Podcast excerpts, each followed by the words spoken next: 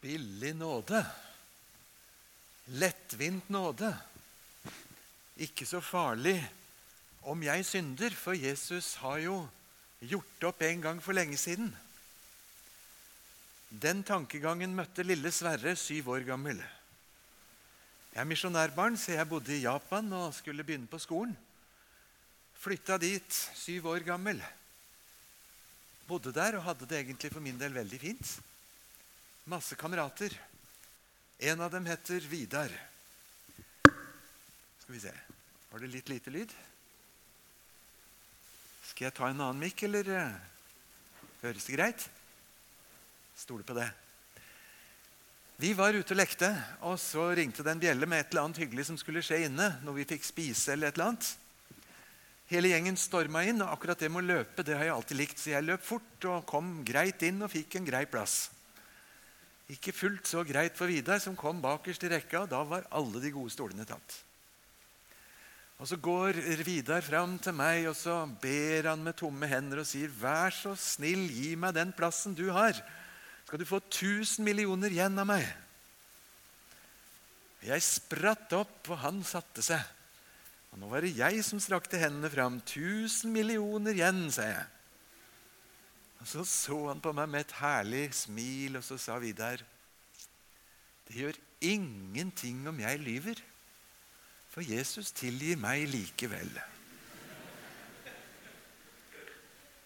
Og Vidar ble sittende, og jeg ble teolog.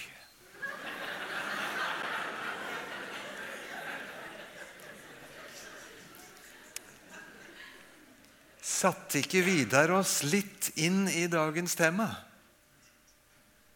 Om ikke fullt så vulgært som at vi lover bort 1000 millioner igjen for å få sitte ti minutter i en stol. Så selve tanken er ikke det vi har opplevd på skole og i arbeidslivet og kanskje til og med hjemme, at det er eh, lettere å få tilgivelse enn å få tillatelse. Det kan bli en veldig farlig livsstil hvis det blir liksom noe som går i huden på oss. Gjør litt som vi vil. Og Går det galt, så har vi jo likevel nåden og tilgivelsen, og helt feilfri er vel ingen. Så hva så? Jeg snakka en gang med noen som hører til i Smiths venner.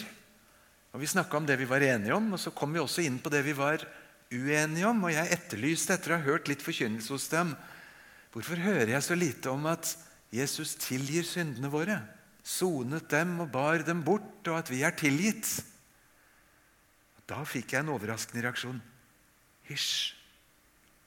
Jo, det er sant, men du må ikke snakke for mye om det. For da blir det ingen alvor i å slåss mot synden.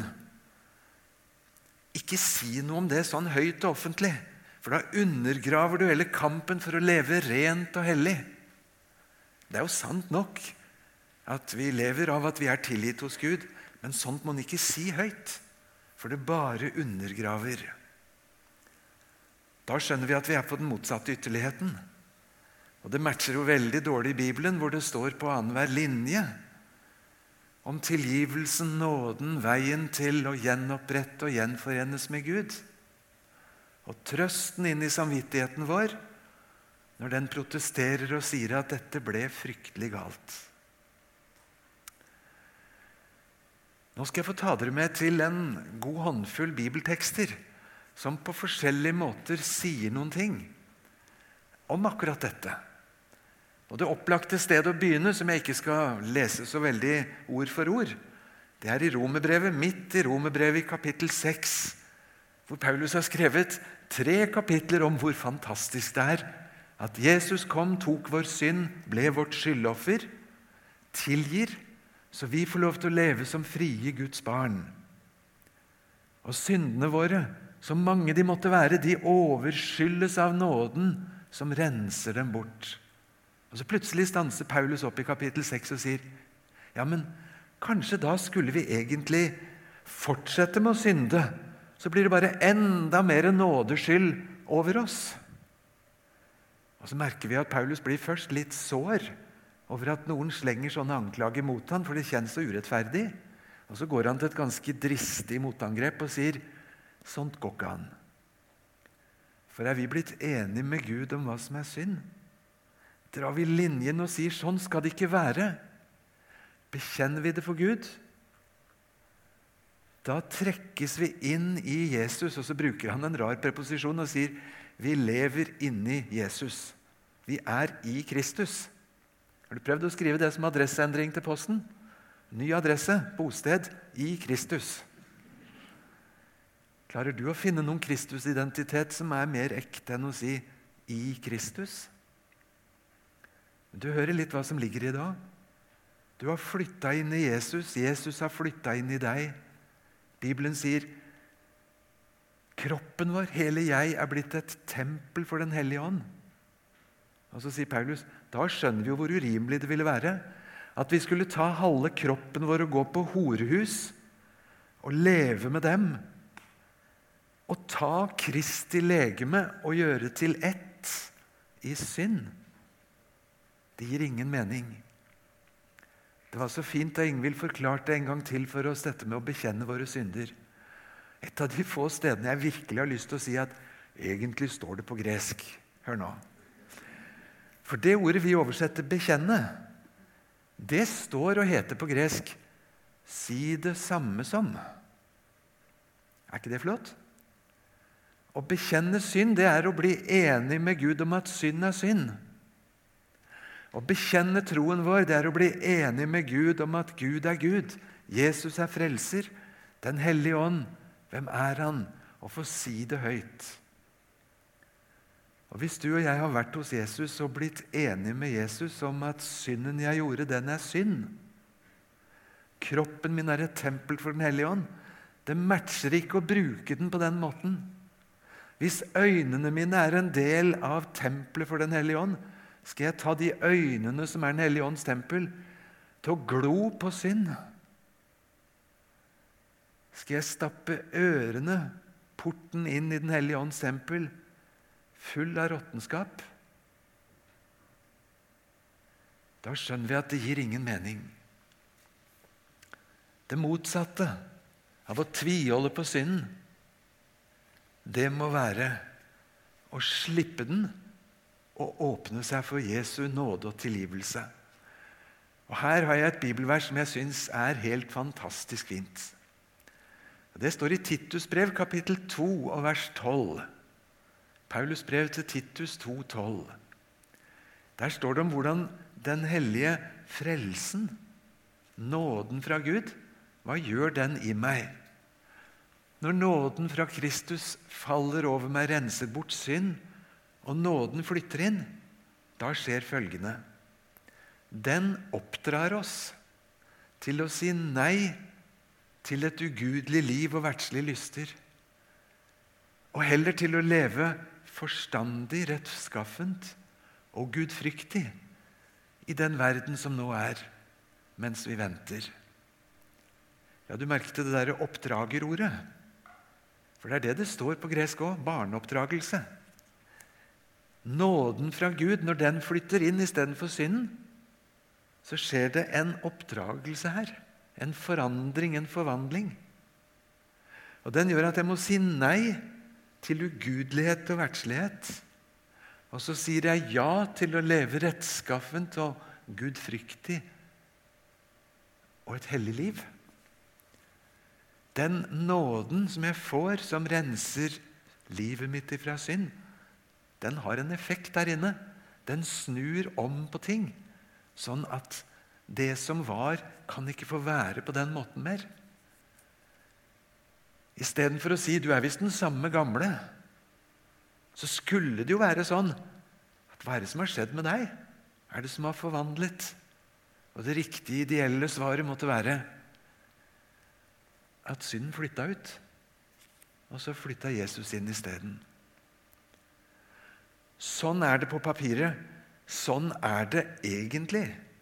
Og samtidig vi tryner og snubler og detter i den ene synden etter den andre. Kanskje hjelper det at vi er i godt selskap, for Paulus sier det at det gode jeg vil, det gjør jeg ikke. Men det onde jeg ikke vil, det gjør jeg stadig vekk. Hjelpe meg. Hvem skal fri meg fra dette dødens legeme, som havner i feil grøft stadig vekk? Jo, det er noe med å være i godt selskap. Og så er det noe veldig riktig og fint i det å få bli enig med Gud. Å få begynne møtet sånn som vi gjorde det her nå. Å begynne møtet med å si 'Gud, jeg er en synder, men jeg kommer til deg'. Ikke med en fasade som er pussa med glansnumre som kunne imponere litt, eller i beste fall sjarmere, selv om det ikke var helt perfekt. Men å kalle synd med synds navn, bli enig med Gud om det, og så få høre om Han som tilgir. Og Da sier vi ikke 'hysj', sånn må du ikke snakke om, for det undergraver kampen mot synden. Nei, for Titus 2,12 lærer meg at når jeg får masse nåde av Gud, så forandrer det hjertet mitt. Det oppdrar meg. Og Det gjør at neste gang Den hellige ånds øre, tempel, blir frista til å høre noe som krasjer, så blir det en, en kamp. Er det greit? et spørsmål. Hørte fra skolegården for lenge siden på Hamar. En guttegjeng som sto der med nevene godt nede i lommene og skulle være litt tøffe. Og så sier den ene jeg har hørt en skikkelig grå vits. Har dere lyst til å høre? Hvis noen ikke tåler den, så får de heller bare gå. Så kniser gutta sånn halvhøyt, bortsett fra én som het Magne. Han så på de andre og så sa han, 'Jeg tåler ikke den', sa han. Og så gikk han. Er ikke det tøft gjort? Ørene mine og porten inn i det tempelet Den hellige ånd vil bo i, det passer ikke. Og for hver gang jeg har fått være å bytte syndene mine med Guds nåde, så sitter det igjen et eller annet der inne. Jeg ser det ikke selv som jeg gjerne ville, men Guds nåde oppdrar oss på en eller annen måte. Og så legger det igjen en kjærlighet til Jesus. Vi sang det i sangen nå. Christ is enough. Yes, han er det. Husker du Jesus en gang måtte forklare en litt sånn sur uh, fyr som hadde invitert han på middag? Som ikke var så imponert over Jesu evne til å gjennomskue hva slags folk som kom uh, og omga han. Jesus måtte gå en ekstrarunde med han og si tenk deg at to fyrer begge står i gjeld. Den ene skylder 500 denarer, to årslønner. Den andre skylder 50 denarer, to månedslønner. Ingen kunne betale. Men han som de skyldte til, han var villig til å bare tilgi de begge to. Og Så spør Jesus hvem av de to som ble tilgitt, tror du elsker mest han som tilga dem?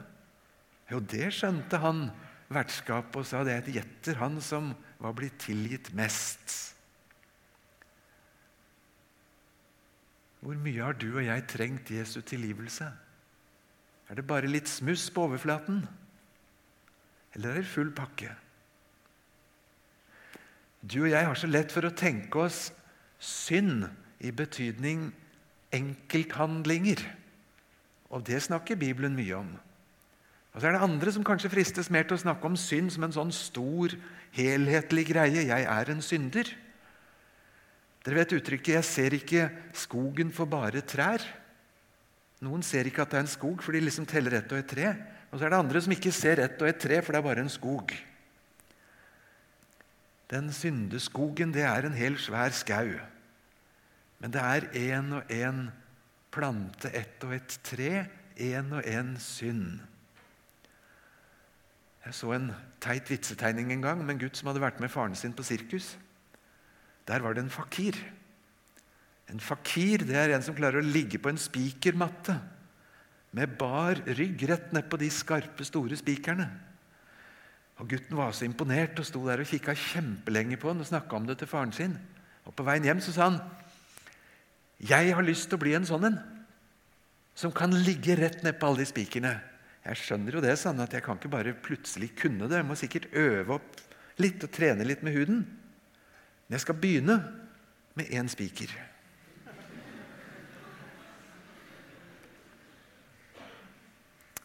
Det var kanskje et råd både til Vidar og andre. Begynn med én spiker. Kanskje være litt ærlig. Kanskje avtale med en at nå skal vi være ærlige med hverandre igjen med et par uker og snakke om en fight vi har inni oss. Noe som ikke vi er stolt av, som burde være annerledes. Og så kanskje vi kan hjelpe hverandre til en ærlighet innenfor Gud Høres det ut som et selvstrev? Det kan det bli. Kanskje vi nettopp derfor trenger hjelp av en annen til ikke å havne i den grøfta. Men heller ikke i den grøfta hvor det blir liksom bare 1000 spiker, som ikke er én og én. En stor masse med synd, som ikke er summen av én og én krenkelse av Gud. Kristendom er det summen av seier fra det ene til det andre til det tredje. Nei, Det er mange advarsler her mot ikke å innbille oss en lettvint fight på den måten. Hvis noen sier at de ikke har synd, så bedrar de seg selv. Sannheten er ikke i oss. Men dersom vi bekjenner våre synder, så er Gud trofast og rettferdig. Så han renser oss fra all urettferdighet. Og så får vi altså leve i nåden, som kan forvandle og kan sette igjen noen spor. Hadde vi tid, så kunne vi gått gjennom halve Bibelen, for det er ganske mange tekster på forskjellig måte om hva det der betyr. F.eks. dette ordet som dukker opp annenhver side gjennom Bibelen om å omvende seg. Vende om. Jeg husker jeg spurte en klasse om det på Fjellhaug en gang, og det tok lang tid før noen hadde et svar. Han som svarte, han svarte er den eneste gangen det året jeg tror han svarte. Han trengte to ord på å svare det. Det var så godt sagt at jeg husker det 30 år etterpå. Hva er omvendelse? Bytte herre, sa han. Det er ikke dårlig sagt, det. Bytte sjef. Hvem er sjef?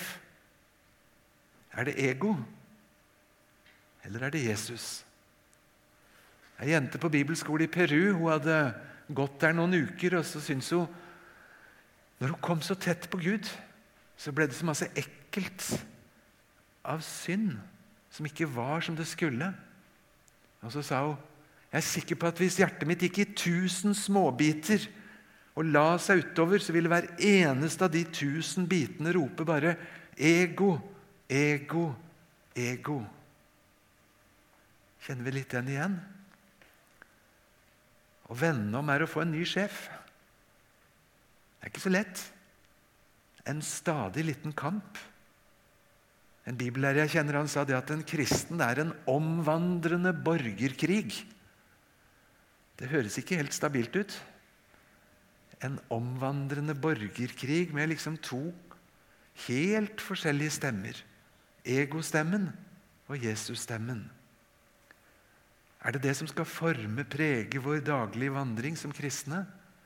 Skal jeg alltid gå i det derre strevet? Hva er min Jesus-identitet? Er det hysj, ikke snakk om syndenes forlatelse, for da blir det ikke noe alvor i kampen? Eller blir det Gjør ikke noe om jeg lyver, for Jesus tilgir meg likevel. Eller finnes det en bedre vei, som ikke havner i de der grøftene?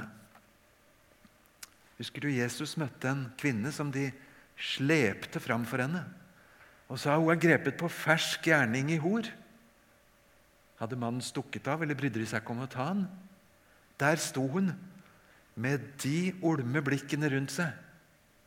Moses sier at sånne mennesker skal steines, hva sier du? Underforstått, du motsier vel ikke ved Gud? Og Så svarte Jesus, som du kanskje husker, den av dere som er uten synd, kan kaste den første steinen. Og Så står det at da trakk de seg stille bort, de eldste først. Og så sto kvinnen tilbake med Jesus alene. Og Så tenker du og jeg det var godt. Da var faren over. Det var vel egentlig da faren var på det maksimale. For da sto hun helt alene innenfor Jesus som aldri hadde syndet. Som sånn sett hadde rett til å kaste den første steinen. Men Jesus kasta ikke stein. Han sier to ting.